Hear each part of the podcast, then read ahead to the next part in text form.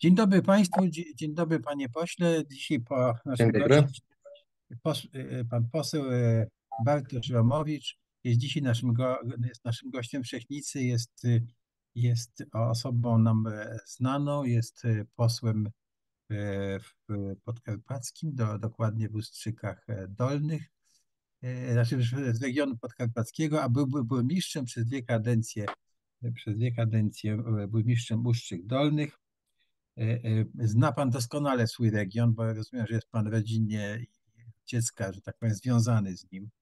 Tak? I, i jak słuchałem Pana wypowiedzi w Sejmie o miejscowościach, e, w których coś się wydarzyło, to odniosłem wrażenie, że Pan naprawdę doskonale zna ten region. Ale jak mówimy o regionie, z którego Pan pocho- pochodzi, to proszę Pana, jak to jest z tym podkarpackim? bo mamy takie wrażenie, prawda? O, podkarpackie, prawda? e, e, Bastion PiSu. e, Tymczasem to tak jest naprawdę, bo jak się tam pojedzie, jak się zobaczy tych ludzi, podkarpackie kipi przedsiębiorczością, no to nie wiem, czy to prawda. A jakie jest Pana zdanie? Jak Pan widzi swój Dzień dobry, dzień dobry panu, dzień dobry państwu. Na początku dziękuję za zaproszenie do tej rozmowy i przepraszam za to 30-minutowe opóźnienie, ale to jest Bo- właśnie charakterystyka, charakterystyka pracy poselskiej, że tu jest bardzo wiele nieprzewidywalnych okoliczności. No dwa wystąpienia dzisiaj w Sejmie, obydwa dotyczące dyskusji o, o w końcu małej, ale, ale bardzo ważnej zmianie w ustawie o samorządzie te, terytorialnym. No, niezwykle istotne, ale też y, mam ochotę pana zapytać, czy panu kiedyś pocztę zhakowano?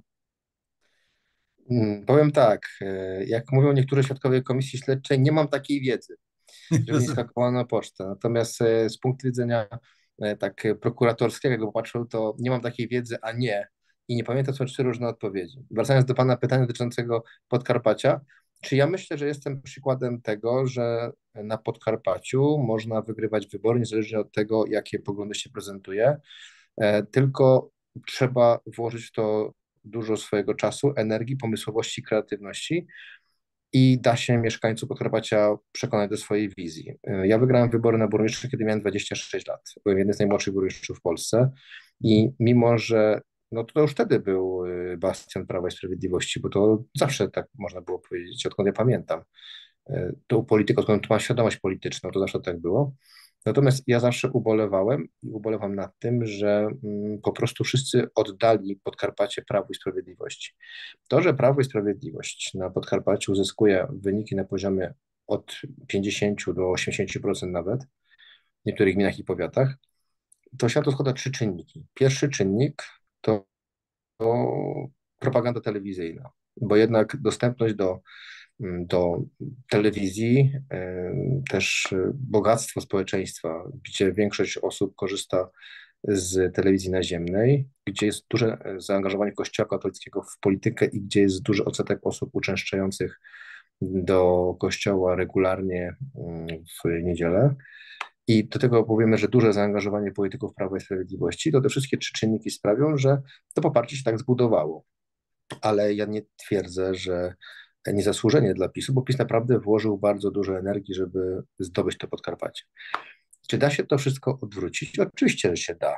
Ja jestem tego najlepszym przykładem, że będąc z miejscowości, która ma gminy, która ma 17 tysięcy mieszkańców ewidencyjnie, 12 tysięcy wyborców, a realnie pewnie około 9 tysięcy, przy frekwencji około 60%, e, to do, z mojej gminy było do zdobycia jak się tam 5 tysięcy głosów, e, więc e, ja zdobyłem około 2 tysięcy, a zdobyłem ogólnie 21 tysięcy głosów, więc to pokazuje, że robiąc dobrą, skuteczną kampanię, ale też pracując rzetelnie dla mieszkańców na swojej dotychczasowej funkcji burmistrza Ustrzygonych, można przekonać mieszkańców powiatów ościennych i nie tylko ościennych do swojej kandydatury. I to najlepszym dowodem na to jest to, że w Lesku, powiecie leskim, a zwłaszcza w Lesku, w mieście Lesku, ja po prostu te wybory wygrałem. W Lesku miałem najlepszy wynik. Więc y, to pokazuje, że można przekonać mieszkańców sąsiednich miejscowości i powiatów do, do siebie. I teraz pytanie, czy tak musi być? W mojej ocenie nie. A czy tak będzie? To zależy od nas. Bo jeżeli wszyscy politycy, y, nazwijmy to nowej koalicji rządowej, czyli politycy Platformy Obywatelskiej, Koalicji Obywatelskiej, politycy Lewicy, PSL-u czy Polski 2050, Szymona Hołowni, włożą tak samo dużo energii i czasu, kreatywności i pomysłowości i zaangażowania e, na Podkarpaciu, to ten e, Podkarpacie nie będzie bastionem PiSu, tylko za chwilkę się okaże, że PiS ma już poniżej 40% i tak dalej, i tak dalej.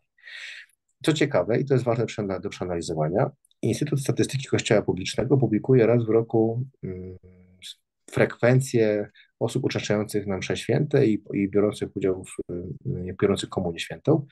I jeżeli to się nałoży na mm, procent poparcia Prawa i Sprawiedliwości, to jest to wprost proporcjonalne. Tam, gdzie jest najwięcej osób uczestniczących do Kościoła, tam jest największe poparcie dla Prawa i Sprawiedliwości, co potwierdza tą moją tezę. E, to wszystko jest w naszych rękach, co będzie dalej. Ja po prostu uważam, że jako poseł, jako poseł tej ziemi, że pracując przez 4 lata rzetelnie dla mieszkańców, angażując się e, poprawiając ich byt i zarazem także realizując projekty, które mogą zmienić ustawy w taki sposób, że im się będzie lepiej żyło, to uważam, że zdobędziemy w kolejnych wyborach jako opozycja nie 40%, a 50% więcej. Pierwszym takim testem będą wybory samorządowe, teraz sejmikowe i zobaczymy, jaka jest różnica między wyborami sejmiku 2024 a do sejmiku 2018. Właśnie, wspomniał Pan o wyborach samorządowych. E, ja jestem pokoleniem, e, e, które było zaangażowane w budowanie tej Polski, w tym również w ustawę samorządową. I, i byłem też na pierwszym zjeździe Solidarności w 1981 roku, gdzie po raz pierwszy ta idea samorządnej Rzeczpospolitej się pojawiła. No i proszę pana, jak przekonać ludzi, że samorząd jest ważny. To znaczy, że wybory samorządowe być może są nawet ważniejsze niż ogólnopolskie, bo e, nie wiem, czy pan się ze mną zgodzi, prawda, że e, samorząd to jest no, taki no, wyraz e, czy sposób funkcjonowania, który dla mieszkańców jest niezwykle ważny. Na przykład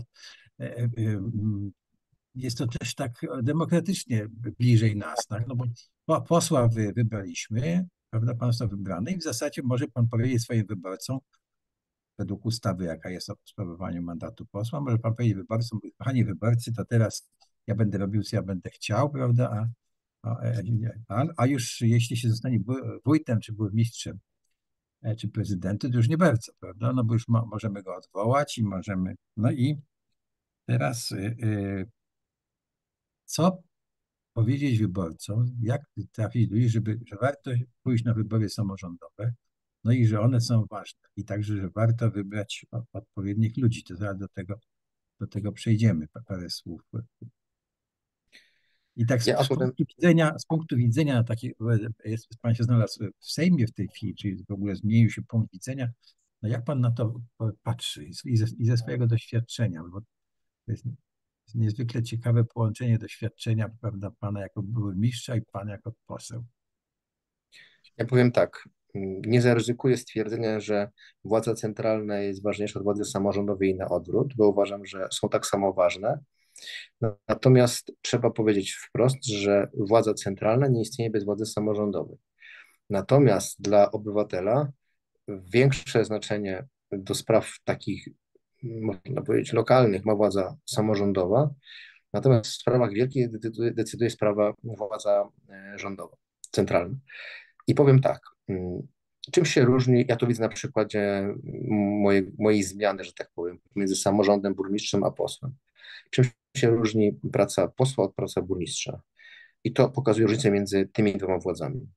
Jeżeli byłem burmistrzem i padał śnieg, to z tyłu głowy miałem, czy piaskarki wyjechały, czy będzie odśnieżony. Jeżeli padał deszcz, to myślałem, czy nie wystąpią jakieś podtopienia i tak dalej.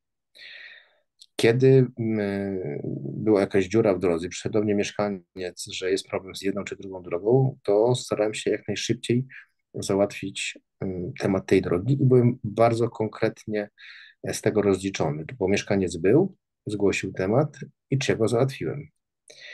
I to było bardzo konkretne i bardzo weryfikowalne. Ta praca była od rana do nocy, od poniedziałku do niedzieli i ciągle między ludźmi, konkretnymi ludźmi, pomiędzy osobą w sołectwie X, Y, Z na zebraniu wiejskim tutaj czy tam. Natomiast dzisiaj, to mogę z pełną odpowiedzialnością powiedzieć, jeżeli bym chciał, miał taki charakter, jako poseł mógłbym zająć się tylko wciskaniem guzika na głosowaniach i na komisjach i nie robić przez 4 lata kompletnie nic. I nikt by mi za to nic nie zrobił. Ale mam zupełnie inny charakter. Nie lubię, jak się nic nie dzieje. E, ciągle żyję taką samą, a może jeszcze większą aktywnością niż jako samorządowiec. I chcę realizować te cele, które sobie postawiłem. Ja o tych celach często mówię przed wyborami.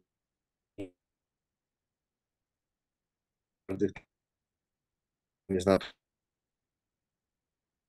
że mm, będę dążył do realizacji tych gminy i zmiany ustawy o kodeksie.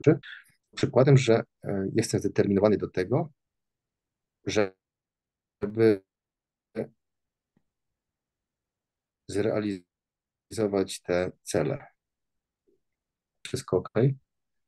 Tak, tak, troszkę tracimy łączność, ale zaraz poprawi pewnie. Ja spróbuję wyłączyć tylko Wi-Fi, jakbyśmy za sekundę. Dobrze. Teraz będzie ok, teraz jestem na swoim internecie, przepraszam. I do czego zmierzam? Zmierzam do tego, że poseł tak naprawdę jest odpowiedzialny za całą Polskę, ale nikt nie jest w stanie wskazać konkretnej odpowiedzialności za co. No taki mamy system. Tak. I teraz od indywidualnego podejścia posła do wykonywanej przez siebie funkcji zależy, jakim się jest posłem. Ja wybrałem drogę bycia posłem aktywnym, e, rozwiązywaniem poszczególnych problemów, pisania interpelacji w konkretnych sprawach, w konkretnych miejscowościach, zabierania głosu na mównicę o konkretne problemy, spotykania się z mieszkańcami, z ministrami, wiceministrami, przywożeniem ministrów, wiceministrów do siebie, do regionu, pokazując im problemy, które trzeba rozwiązać. I tak chcę, żeby ta cała kadencja wyglądała, ale równie dobrze mógłbym teraz w tym momencie nie udzielać tego wywiadu, nie rozmawiać z panem, Jasne. tylko leżeć i prze, prze, przełączać telewizor i mieć e, wolny e, czwartek i jutro pójść na godzinę mm, dziewiątą czy dziesiątą, czy pamiętam jak w harmonogramie jest, na głosowania i dalej, mówiąc tak kolokwialnie, przebimbać cały piątek.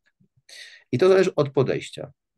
Więc różnica jest, jest na tyle, i to pokazuje, jaka jest różnica między władzą tą lokalną, a, centralną, a władzą stołeczną sejmową. Jeżeli chcesz, być dobrym posłem, to masz narzędzia i możesz realizować i zmieniać to, co chciałeś zmieniać. Natomiast jeżeli jesteś burmistrzem, wójtem, ty to musisz robić, bo mieszkańcy ci z tego bardzo konkretnie rozliczą, czyli ta, ta rozliczalność.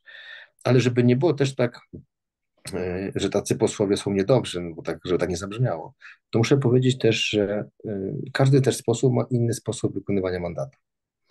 Jeden woli spotkania w zaciszu, że tak powiem, gabinetów i, i załatwiania tematów i nie robi tego, nie wykorzystuje tego w mediach społecznościowych, nie pokazuje tej pracy. Inny wybiera pracę zamiast pracy parlamentarnej, to wybiera pracę rządową. I wtedy nie ma tyle czasu na pracę parlamentarną. Ja nie jestem członkiem rządu, i nawet gdy taką propozycję dostał, to podejrzewam, żebym odmówił, bo uważam, że praca parlamentarna to jest to, co ja w tym momencie realizuję. Natomiast jest wielu posłów, którzy, których realizuje praca rządowa i nie będzie widać ich aktywności w parlamencie, ale będzie widać ich aktywność chociażby w ministerstwach, gdzie są ministrami, wiceministrami. Y, tak konkludując ten temat, nie można powiedzieć, co jest ważniejsze, obie są, obie są tak samo ważne, natomiast władza lokalna jest bardziej do rozliczenia, bardziej konkretnie odpowiedzialna i bliżej jednak tych obywateli, a władza centralna może być dalej, ale jeżeli chce, to może swoimi zachowaniami być dalej bliżej obywateli. Proszę pana, e, czy to doświadczenie, chciałbym jeszcze doprecyzować, czy to doświadczenie samorządowe, bo to jest niezwykle ciekawe, bo dużo posłów było z e, e, burmistrzami. Czy to doświadczenie samorządowe, bycie burmistrzem jakoś panu pomaga w tej pracy, czy jak pan sądzi, czy czy będzie pomagało w tej pracy e, e, e, w parlamencie. Ja jestem trochę specyficznym przypadkiem, bo całe moje życie zawodowe to jest praca albo w administracji rządowej, albo samorządowej. Mm, tak naprawdę. I ja nie znam innego życia zawodowego niż praca dla ludzi. Więc nie mam odniesienia do, nie wiem, jakiejś korporacji czy do sektora prywatnego, gdzie się pracuje zupełnie pewnie inaczej. Natomiast mm, trzeba powiedzieć e, w jasny sposób, że praca samorządowca daje ogromną wiedzę o problemach, które trzeba rozwiązać z poziomu centralnego. Ja jeżeli na przykład widzę ustawę, projekt uznany ustawy o czymś tam, to czytając tą ustawę, po pierwsze wyłapuję aspekty samorządowe, i te aspekty samorządowe wiem z doświadczenia, a drugi aspekt, jestem przyzwyczajony do, do pracy administracyjnej, tak to można powiedzieć. Już w samorządzie trzeba y, umieć czytać akty prawne, trzeba tworzyć akty prawne, akty prawa miejscowego, więc dla mnie konstrukcja ustawy y, język prawniczy, język legislacyjny nie jest jakimś tam problemem, a to dzięki temu, że przez 9 lat zdobywałem takie doświadczenie w samorządzie. Niewątpliwie jest to duże doświadczenie, ale też wielu posłów takie doświadczenie ma bo jak pokazują statystyki, to Fundacja Batorego chyba, jak się nie mylę, albo Unia Metropolii e, Polskich robią takie mm, opracowanie, jest dostępne gdzieś w internecie, że więcej jak połowa posłów w każdej kadencji ostatnich lat ma doświadczenie samorządowe albo radnego, e, gminnego, powiatowego, wojewódzkiego, albo wójta, burmistrza, prezydenta, starosty. Teraz w tych wyborach 14 bodajże wójtów, burmistrzów zostało z tylko z tej kadencji posłami bądź senatorami, więc e, to pokazuje, że, że to jest ważna grupa, grupa społeczna. I dzisiaj takim e, fajnym obrazkiem, kiedy na sali plenarnej prezentowałem jako poseł sprawozdawca właśnie projekt zmiany ustawy, to patrząc z mównicy po wszystkich posłach, którzy byli na sali w danym momencie, Oczywiście nie było pełnej sali, a bym powiedział w drugą stronę, ale dlatego, że w tym czasie trwało wiele komisji, zespołów i tak dalej, o tym jeszcze będę chciał dzisiaj powiedzieć, dlaczego sala sejmowa jest pusta, bo to mieszkańcy o to często pytają, to patrząc po tych wszystkich posłach, widziałem, że to są w większości samorządowcy, czyli ci, co, te osoby, które były samorządowcami, zobaczyły, że w porządku obrad jest punkt dotyczący ustawy o samorządzie gminnym i przyszli o tym samorządzie rozmawiać, zadawać pytania. Więc to pokazuje, że to ważna grupa y, społeczna, zawodowa w polskim parlamencie. Y, y, no chyba do, dobrze, ale wie pan, jak pan postrzega polskie samorządy? No, pan jest przypadkiem samorządu, który bardzo współpracował z, z, z ludźmi. Bywał pan na każdym zebraniu wiejskim. No wiem, bo przeprowadziliśmy, tak powiem, badanie o, o Panu i, i wiemy o tym, że Pan jeździł na każde spotkanie, że Pan lubił się spotykać z ludźmi, że tak jak Pan mówi właśnie, wykonywał Pan tę swoją pracę właśnie jadąc na zebrania, wygładając dziurę i, i ale wie Pan, e, e, są takie samorządy, które mają opinię, prawda, że są folwarki. No i e, jak, jak Pana zdaniem jest z tymi, z tymi polskimi samorządami? E, czy one e, są takie jak pański, e, pańskie ustrzyki, czy pańskie podejście, czy, czy coś trzeba zmienić i, i, i powiedzmy, są, no, jak, jak to zrobić, prawda, żeby, żeby i, i to widać też o poziomie róż, różnych miejsc, prawda, są obok dwie gminy, których jedna rozwija się znakomicie, no a druga tkwi w takim takim powiedzmy marazmie. Coś czy coś tu można zrobić z poziomu centralnego, czy to raczej powinno zostać w rękach obywateli? No co sobie wybierzecie, to będziecie mieli. Maraz w samorządzie to jest problem do rozwiązania przez mieszkańców. A kiedy? To już 7 kwietnia najbliższa okazja. Każdy jest kowalem swojego losu, tak można powiedzieć. Każdy wybiera takiego samorządowca, jak chce. I to jest piękne, że każdy z mieszkańców ma swój głos i ten, kto ma zdobył najwięcej głosów, ten wygrywa. Jeżeli nawet popełni ktoś błąd, to mam nadzieję, że tylko raz, nie do kadencji tej osoby nie wybierze, a w trakcie kadencji może skorzystać z instytucji referendum i zmienić, chociaż jest to trudne, no, odwołać wójta burmistrza przed y, upływem kadencji. Więc y, powiedziałbym tak, odróżniłbym y, odpowiedź, jakie są samorządy, od tego, jacy są samorządowcy bo samorządy są wszystkie, można powiedzieć, że jednakowe, ale mają różne uwarunkowania, sytuację finansową, jak chociażby rozwój gospodarczy, chociażby lokalizację, bo zupełnie inne szanse rozwoju ma samorząd Lutowisk, Czarny czy Ustrzyk Dolny, ale zupełnie inny będzie samorząd podpoznańskiej gminy Rokietnica, która ma fabrykę Volkswagena, chyba jak się nie mylę, czy, czy jest obważankiem Poznania i po prostu e, ciągnie, mówiąc tak kolokwialnie, e, ludzi do siebie. Więc e, miejsce na mapie ma znaczenie i nawet jest udowodnione to, że kod pocztowy ma znaczenie, chociażby w długości życia. Jest udowodnione, że kod pocztowy jest takim jakby determinantą długości życia, ale nie, że jak ktoś ma kod 38700 tego ustrzyki, to będzie żył 38 lat, to nie o to chodzi, tylko w tym zakresie, że jeżeli e, ktoś mieszka w Łuszczykach e, Dolnych, to ma trudniejszy dostęp chociażby do opieki zdrowotnej i wielu innych rzeczy i przez to ten czas jego życia, to życie jest krótsze, e, bo ta jakość życia jest niższa. No i to jest rolą państwa, i tak to postrzegam, żeby państwo wyrównywało szanse niezależnie od miejsca zamieszkania, bo nikt nie jest winny temu, że urodził się e, na Podlasiu czy na Podkarpaciu przy granicy z Ukrainą. E, tak po prostu jest ułożony świat i teraz sobie wyrównywać. Druga rzecz, którą powiem i zawsze to mówię głośno, uważam, że rząd Prawa i Sprawiedliwości niesamowicie podzielił samorządy. Podzielił samorządy na nasze i wasze, te nasze wspierał bardzo mocno, niezależnie od tego, że bardzo często te nasze samorządy, czyli ich, e, mówiąc tak brzydko, kolokwialnie pisowskie, głosowały w wyborach parlamentarnych na PiS, ale w samorządowych inaczej, na człowieka, tak jak w moim przypadku. I to uważam, że to jest ogromna krzywda dla samorządu. I trzeba postawić w pewnym momencie kreskę, powiedzieć reset. To jest słynne hasło, teraz jest reset. E, nawet dzisiaj, w trakcie debaty nad projektem ustawy, posłowie PiSu wyrzucali to, że e, premier e, Donald Tusk zmienił komisarzy, których powołał premier Mateusz Morawiecki. No ale kto wcześniej powołał komisarzy niezgodnie z oczekiwaniami społeczności lokalnych? No premier Mateusz Morawiecki, więc automatycznie, jeżeli się zmienia władza, to druga, nowa władza to zmieniła i teraz trzeba postawić kreskę, powiedzieć reset. Nie, od dzisiaj tak nie robimy. I ta ustawa chociażby jest na to odpowiedzią, że od dzisiaj tak nie będziemy robić, bo stworzymy takie prawo, że z automatu to będzie działało. I tak powinno być we wszystkich e, częściach mm, działalności samorządu. To jest trudne, ale nie nierealne. To będzie zajmie nam 8 lat, może 12, może 10, E, ale jest to do zrobienia. I tak to powinno się odbywać, że samorządy wszystkie powinny mieć równe szanse rozwojowe z uwzględnieniem czynników takich jak chociażby lokalizacja, wielkość, liczba ludności, rozwój przedsiębiorczości i tak.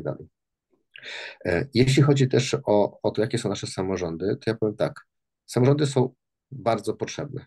Bez samorządów państwo by sobie nie poradziło. I tego najlepszym przykładem chociaż była pandemia, kiedy to samorządowcy zorganizowali akcję szczepień, które samorządowcy zorganizowali akcję roznoszenia maseczek i wiele innych akcji przy pandemii. Po drugie, pomoc uchodźcom. To znowu samorządowcy dali radę, pomogli uchodźcom z Ukrainy, a dopiero później rząd się zaangażował. Jeżeli ja jestem pewny odpukać, jak to mówię, niemalowane drewno, żeby się wydarzyła jakaś katastrofa dzisiaj, jutro, która wymagała zaangażowania w jednym czasie państwa i samorządu, to jestem pewny, że samorządy lokalnie się szybciej zorganizują niż państwa, jakie by ono nie było, bo jest bliżej obywatela. I rolą mądrej władzy, rolą odpowiedzialnej władzy, a jestem przekonany, że ta obecna władza taka jest, jest dobre, skuteczne wykorzystywanie potencjału samorządów, a nie dzielenie na naszych i waszych. Ja poruszam dużo tematów samorządowych w interpelacjach, na wystąpieniach i to robię nie dlatego, że szukam jakiegoś poklasku czy, czy, czy, czy jakichś innych pobudek, tylko dlatego, że to są pytania, które dotyczą przyszłości samorządów dotyczące finansów samorządowych, dotyczące czasem bardzo prozaicznych spraw, jak chociażby Funduszu Sołeckiego składają taką interpelację, czy planuje minister spraw wewnętrznych i administracji zwiększyć udział e, państwa w Funduszu Sołeckim i tak dalej, i tak dalej. Więc e, musimy pokazywać dobry samorząd i przekonywać władzę rządową, że trzeba ten dobry samorząd wspierać, a jako poseł będę chciał to robić i to robię. To mówi pan, że trzeba przekonywać władzę jeszcze ciągle, tak?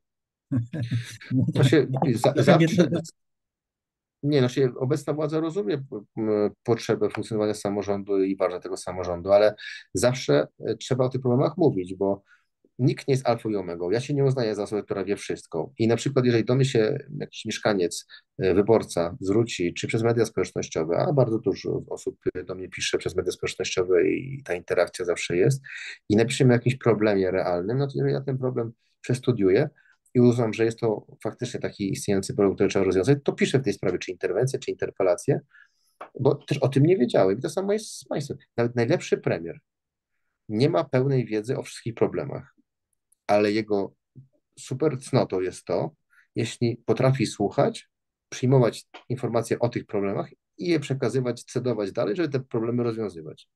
Więc my musimy mówić o problemach samorządu, choćby nawet władza rządowa o nich wiedziała, to niech usłyszy jeszcze raz. Nie zaszkodzi, a być może przyspieszy proces rozwiązania tego problemu. Proszę pana, w samorządzie to jest tak. Ustawa samorządowa mówi nam, prawda, że główną rolą samorządu jest zaspokajanie potrzeb mieszkańców, o ile się nie mylę, prawda? Tak. No ale, ale z drugiej strony e, rozwój lokalny też jest w rękach sa, samorządu.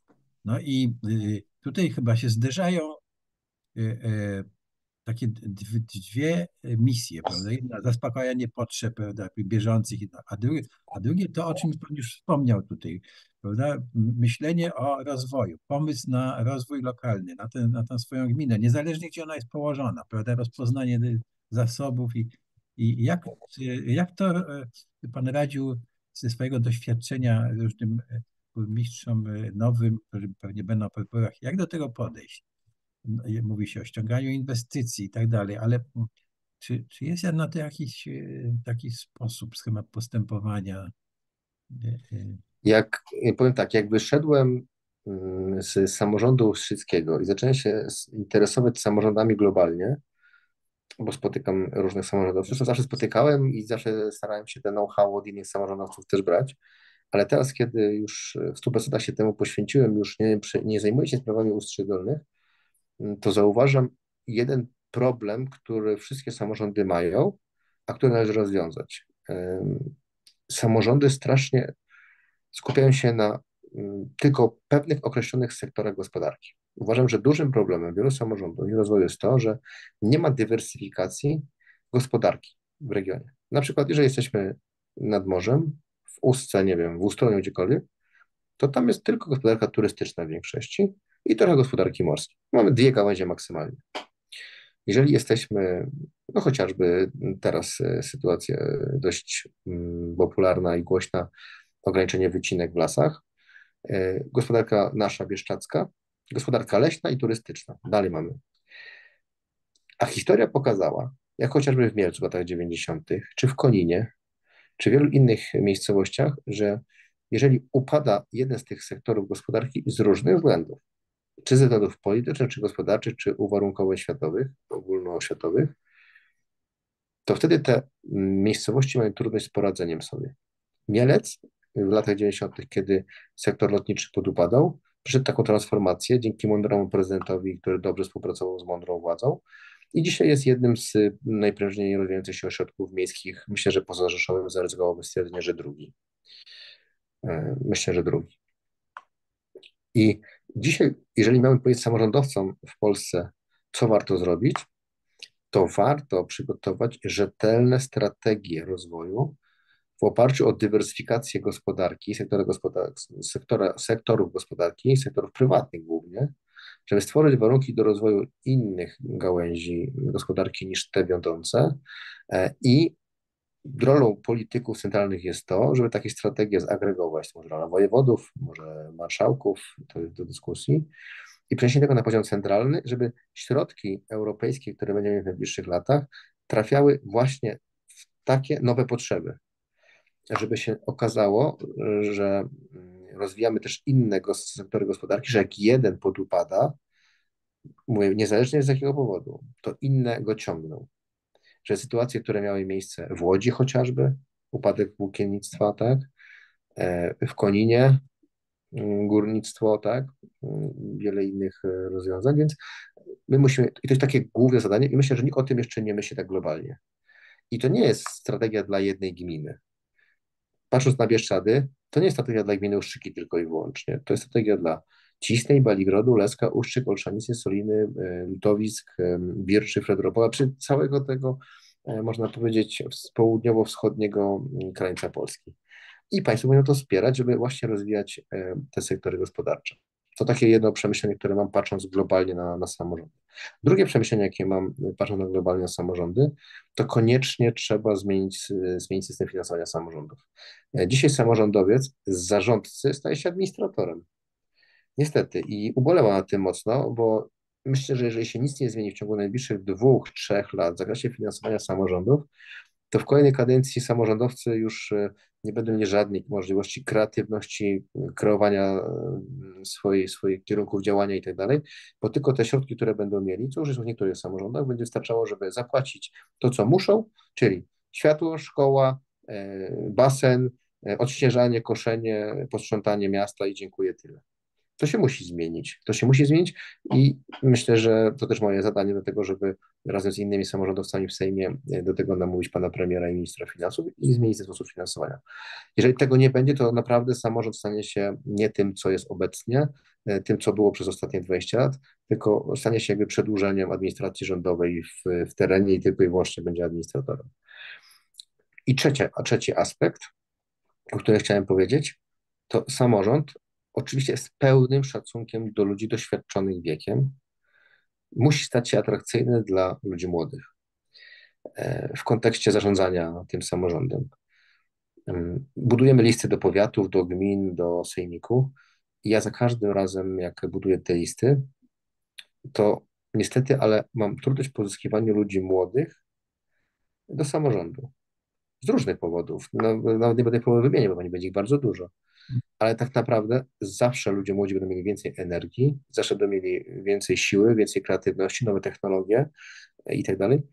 I to trzeba połączyć z tym do- doświadczeniem, ale bez y, młodości ten samorząd będzie zmierzał, będzie zmierzał w, można powiedzieć, takim jałowym kierunku. Więc musimy znaleźć takie narzędzia, żeby ludzi młodych zachęcić do udziału w samorządności. Takim jednym z narzędzi miała być Młodzieżowa Rada Gminy. To zależy od miejsca, gdzie ona jest, jak one funkcjonują, bo są świetnie funkcjonujące rady, ale są też takie, które są tylko wydmuszkami. Ale musimy szukać innych narzędzi, żeby y, angażować ludzi młodych, bo to oni muszą myśleć o tym, jakie są, są swoje miasta mieć. Jeszcze czwarty aspekt, jeżeli jeszcze mogę, to musimy przestać myśleć jak na, jak na jedną kadencję, a myśleć jak na pokolenie. Bo też wie- wielu samorządowców jest takich, y, y, którzy planują, zostają wójtami, burmistrzami, przykładowo w roku 2024 zostaną, to będą robić takie inwestycje i takie podejmować decyzje, które przyniosą efekt najpóźniej w roku 2029. I to błąd. Dlaczego 29? Będą kolejne wybory wtedy. Ale czasem te decyzje w perspektywie pięcioletniej są mniej opłacalne, a w perspektywie dziesięcioletniej bardziej opłacalne, tak? Chociażby inwestycje, które się spłacają więcej niż jedną kadencję. Więc to takie cztery aspekty, które bym powiedział, że one mm, będą zmieniać się, to myślę, że samorządy będą się rozwijać, a nie zwijać. A co jeśli chodzi o kadencyjność? No bo to jest taki gorący temat. Wiele razy y, się z nim spotkałem y, y, na, jakichś spotkaniach mm, Związków Gmin Wiejskich. Jak pan sądzi? Jakie jest pana zdanie o tym? Ja powiem tak. Może się narażę kolegom samorządowcom i koleżankom samorządowcom, ale powiem w ten sposób. Mm, Sam, ta dwukadencyjność z jednej strony jest dobra, a z drugiej strony zła. E, Zła jest dlatego, że to ludzie powinni mieć prawo wyboru, kto jest ich wójtem, burmistrzem. Jeżeli jest dobry wójt, burmistrz, to się będzie bronił nawet nie przez 20, czyli przez 5 kadencji. A z drugiej strony uważam, pewnie też z jakimś doświadczeniem swoim życiowym, że 10 lat w jednym miejscu to jest wystarczający okres do tego, żeby się nie wypalić zawodowo, a zarazem nie stworzyć sieć różnego rodzaju powiązań e, pomiędzy ludźmi. Ja uważam, że po 10 latach, może 15 latach, traci się taką czujność w zakresie ostrożności postępowania i spojrzenia na niektóre sprawy obiektywnie. W pewnym momencie, w pewnym momencie dochodzi do przekonania, no przecież no tyle mnie wybierają, to chyba jestem nieomylny, że ja tak robię, nie? Takie mam wrażenie. Więc być może ta dwukadencyjność jest jakby takim motorem napędowym do tego, żeby nie stracić tej czujności, ale z drugiej strony też uważam, że dwukadencyjność powinna być w Sejmie. Jeżeli mam dwukadencyjność w samorządzie, to pójdźmy też w Sejmie. I teraz powiem coś, co będzie bardzo kontrowersyjne. W Sejmie nigdy nie przejdzie dwukadencyjność, dlatego że wielu posłów, jakby popatrzą statystyki, są więcej niż dwie kadencje i nie zagłosują za tym, że w kolejnej kadencji e, już nie mogli startować. Więc jeżeli popatrzymy przez taki pryzmat, że w Sejmie nie da się dwukadencyjności wprowadzić, to powinniśmy znieść dwukadencyjność w samorządzie, żeby traktować wszystkich równo. Myślę, że przed wyborami się to nie wydarzy, ale myślę, że po wyborach samorządowych y, europejskich, kiedy już y, będzie, można tak powiedzieć, taki względny spokój, wrócimy do dyskusji o dwukadencyjności. Myślę, że będzie tyle samo argumentów za, co i przeciw, e, ale jeżeli patrząc, że wszyscy są równi wobec prawa i każda władza ma takie same prawa, to jeżeli nie uda się wprowadzić dwukadencyjności w Sejmie, to trzeba znieść dwukadencyjność w samorządzie. A jakie jest Pana zdanie na temat, wspomniał Pan już o Funduszu Sołeckim, że powinien ulec e, e, zwiększeniu, znaczy zwiększe, część, państwo powinno bardziej dopłacać. Ale w samorządach to jest taki problem, że niektórzy wójtowie uważają, że na samorządzie się kończy demokracja, znaczy że, nie ist, że bliżej już nic nie ma. Prawda? I, a jakie jest Pana podejście? Bo przecież często są sołtysi, są organizacje pozarządowe, no, czasami jest współpraca, ale częściej jest konflikt. To, to widzimy po po naszych spotkaniach, że często wójtowie mówią, nie jedźcie na to spotkanie, bo was tam nam, namówią, żebyście umieli występować przeciwko mnie. Tak? A pana podejście? Ja powiem tak. Mądry samorząd to taki, który wykorzystuje potencjał swoich mieszkańców. Ja jak zostałem burmistrzem, to pierwsze co zrobiłem, to zwiększyłem wydatki na e, działalność, e, współpracę z- ze sektorem pozarządowym. Wchodzę z założenia, że jeżeli na terenie gminy jest fundacja, stowarzyszenie, które robi bardzo dobrą robotę w zakresie opieki nad zwierzętami bezdomnymi, to dlaczego ja jako, i to, ja to mogę można powiedzieć, że i z, cwaniactwa i z lenistwa można zrobić, dlaczego ja mam poświęcać swój czas na to samo, skoro ktoś, kto jest trzecim sektorem, robi to bardzo dobrze. To lepiej dać mu te pieniądze i niech on to dalej rozwija. Ale jest pewne ryzyko, bo być może prezes tej fundacji stowarzyszenia, który będzie zajmował się tymi psami, kotami i tak pomyśli sobie w pewnym momencie, a może ja bym został wójtem, burmistrzem albo radnym, a jeżeli jeszcze mam inne poglądy niż mój wójt, burmistrz czy, czy, czy, czy, czy większość Radzie, to się okaże, że wójt, burmistrz dał pieniądze na realizację zadań publicznych i wychował sobie na własnej e, skórze konkurencję. Więc myśli, to po co to robić? Niech urzędnik to robi, a ja nie będę sobie wychowywał na własnej skórze ludzi, którzy będą startować przeciwko mnie. No i pytanie to jest, kto co chce osiągnąć. Ja uważałem, że trzeba wykorzystywać potencjał mieszkańców i tych środków jak najwięcej dawać do organizacji pozarządowej, dawać inicjatywy lo lokalnej, wspierać Fundusz Sołecki, a nie zwijać Funduszu Sołeckiego. Bo im więcej władzy damy ludziom, tym mniej roboty mamy my. To jest proste. Ja to też tak tłumaczyłem zawsze moim pracownikom Urzędu Miejskiego, który zresztą miał bardzo fajny zespół i z którego jestem dumny. Po prostu dawać zadania tym, którzy to robią jak najlepiej. Z ryzykiem, że jak kiedyś nas zastąpią, no ale to taka jest kolej rzeczy, ale przy dwukadencyjności i tak nas zastąpią, i tak nas zastąpią, bo nie będziemy mogli startować więcej.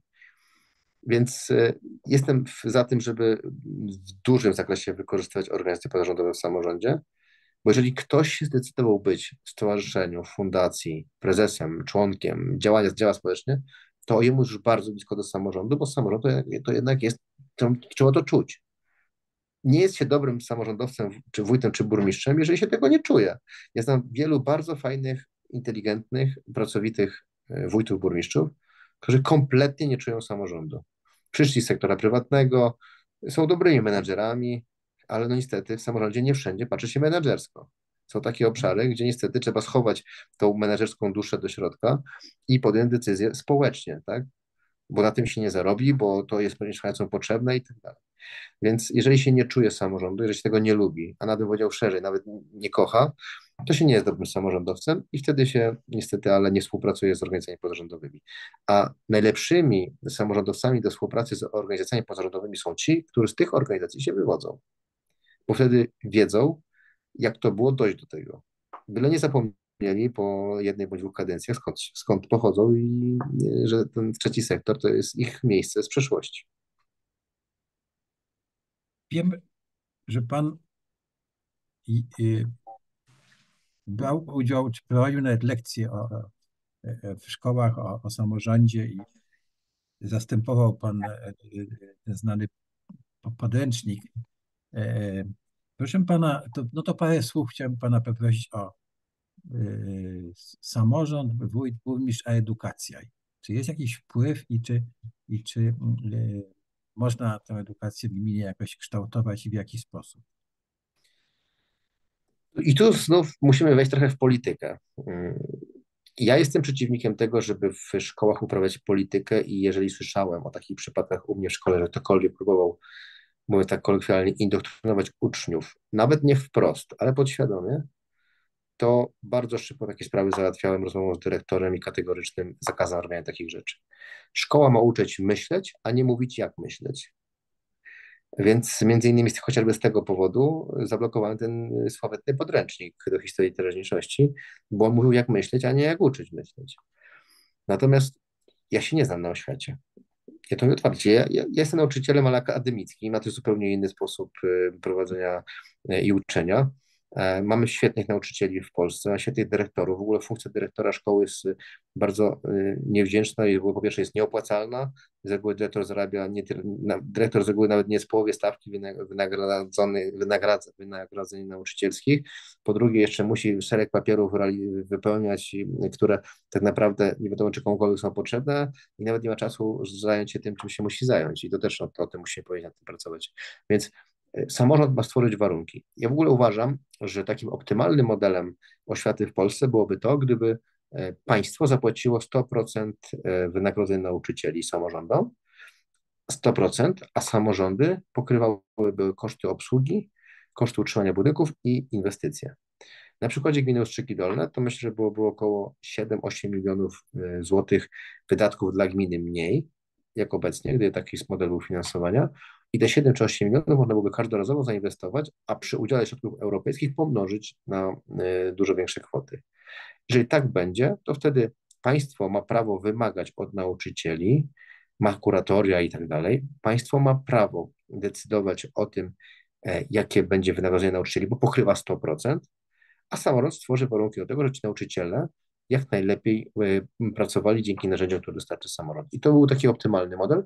Mm, jeżeli gdzieś kiedyś będzie dyskusja na ten temat i ktoś będzie chciał e, zadać pytanie, jak, jak ja to widzę, to dopowiem też głośno i jeżeli będzie dyskusja na, na, na plenum czy na, na, na sali posiedzeń, też będę o tym mówił. Można mieć inny model, natomiast patrząc z punktu widzenia byłego samorządowca, to ten model byłby na ten moment według mnie optymalny.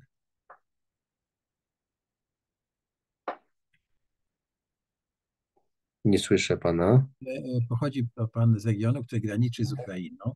No mamy za granicę e, wojny i chciałbym pana zapytać z punktu widzenia samorządowca, jak pan postrzega ten problem? Ja, ja wiem, że no, pan i organizacje pozarządowe, zwłaszcza z Podkarpacia w 2022 roku, to po prostu był coś niesamowitego. Prawda? Zbudowano pozycję Polski w świecie tym, tym wspaniałym zachowaniem. No ale wojna trwa i jak, jak, jak, i dzisiaj, jak to dzisiaj wpływa na, na region, pana zdaniem? Tak najpierw z punktu widzenia e, tego lokalnego. Myślę, że przy wojnie z Ukrainą, Ukrain, w Ukrainie zdaliśmy super egzamin z człowieczeństwa i to szapoba do każdego, który się angażował i po raz pierwszy widziałem, jak niezależnie od partii politycznych, poglądów, wszyscy po prostu pracowali i pomagali. Drugi aspekt to jak my to wykorzystamy jako kraj gospodarczo, to jest y, pytanie na przyszłość. Natomiast myślę, że to jest pewnego rodzaju doświadczenie. Myślę, że to jest pewnego rodzaju doświadczenie bardzo ważne i bardzo, bardzo duże i oby się nigdy nie, nie powtórzyło. Nie? E, myślę też, ostatni taki aspekt przy z tematu Ukrainy, my musimy teraz wyciągnąć wnioski z tej sytuacji, która miała miejsce. Wzmocnić granice, wzmocnić infrastrukturę przejść granicznych i to myślę, że jest lekcja do odrobienia.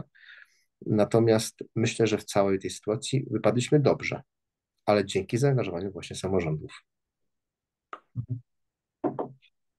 I no to teraz przejdźmy do takiego e, poziomu ogólnopolskiego e, i mam tutaj do Pana parę e, pytań.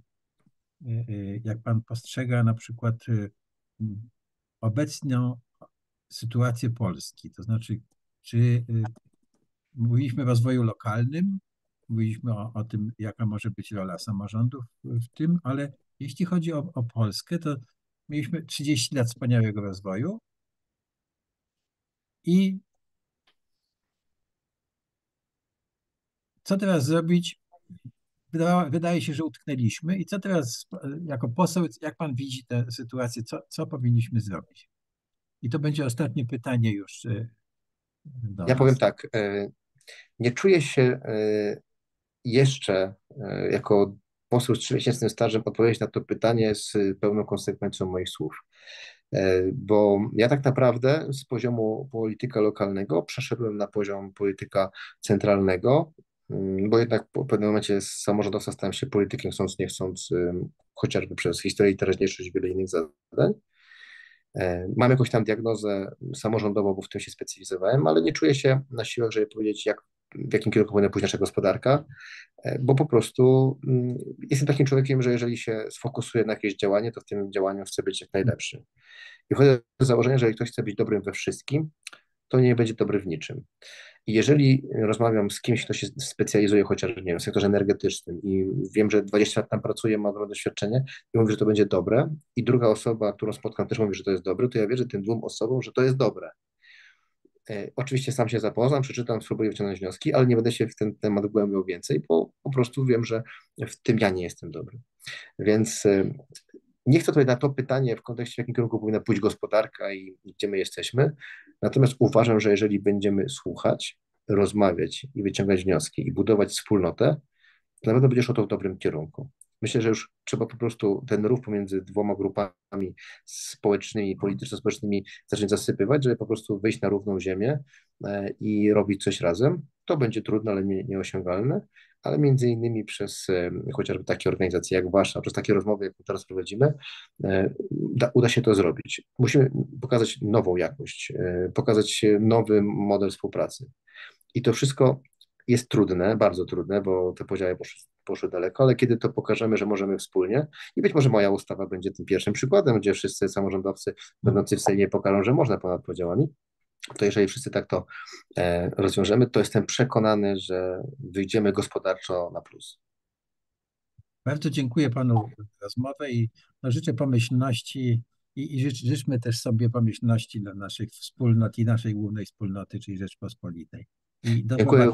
i trzymamy kciuki, żeby wszystko dobrze poszło. Dziękuję bardzo za rozmowę i polecam się na przyszłość. Jeżeli chcielibyście Państwo porozmawiać o jakichś konkretnych tematach, które dzieją się w Sejmie, to jak dzisiaj między kolejnymi dniami posiedzenia, może nawet na krótsze, na krótsze rozmowy, ale y, o tym, co się dzieje, y, z chęcią Państwu poopowiadam, jeżeli będziecie chcieli. Przyjemnością, bo wie pan, po, po prostu potrzebujemy, po, po, potrzebujemy edukacji obywatelskiej, żeby rozumieć w ogóle o co, o co chodzi. Tak? A, a, a ten apel pana o zasypanie tych podziałów rzeczywiście jest niezwykle ważny, bo, no, bo to- to jest podstawa przyszłości. Albo zasypiemy, albo, albo, albo będziemy się pętać gdzieś na peryferiach. Dziękuję bardzo. Dziękuję Dobrego bardzo. wieczoru dla państwa. dobrego.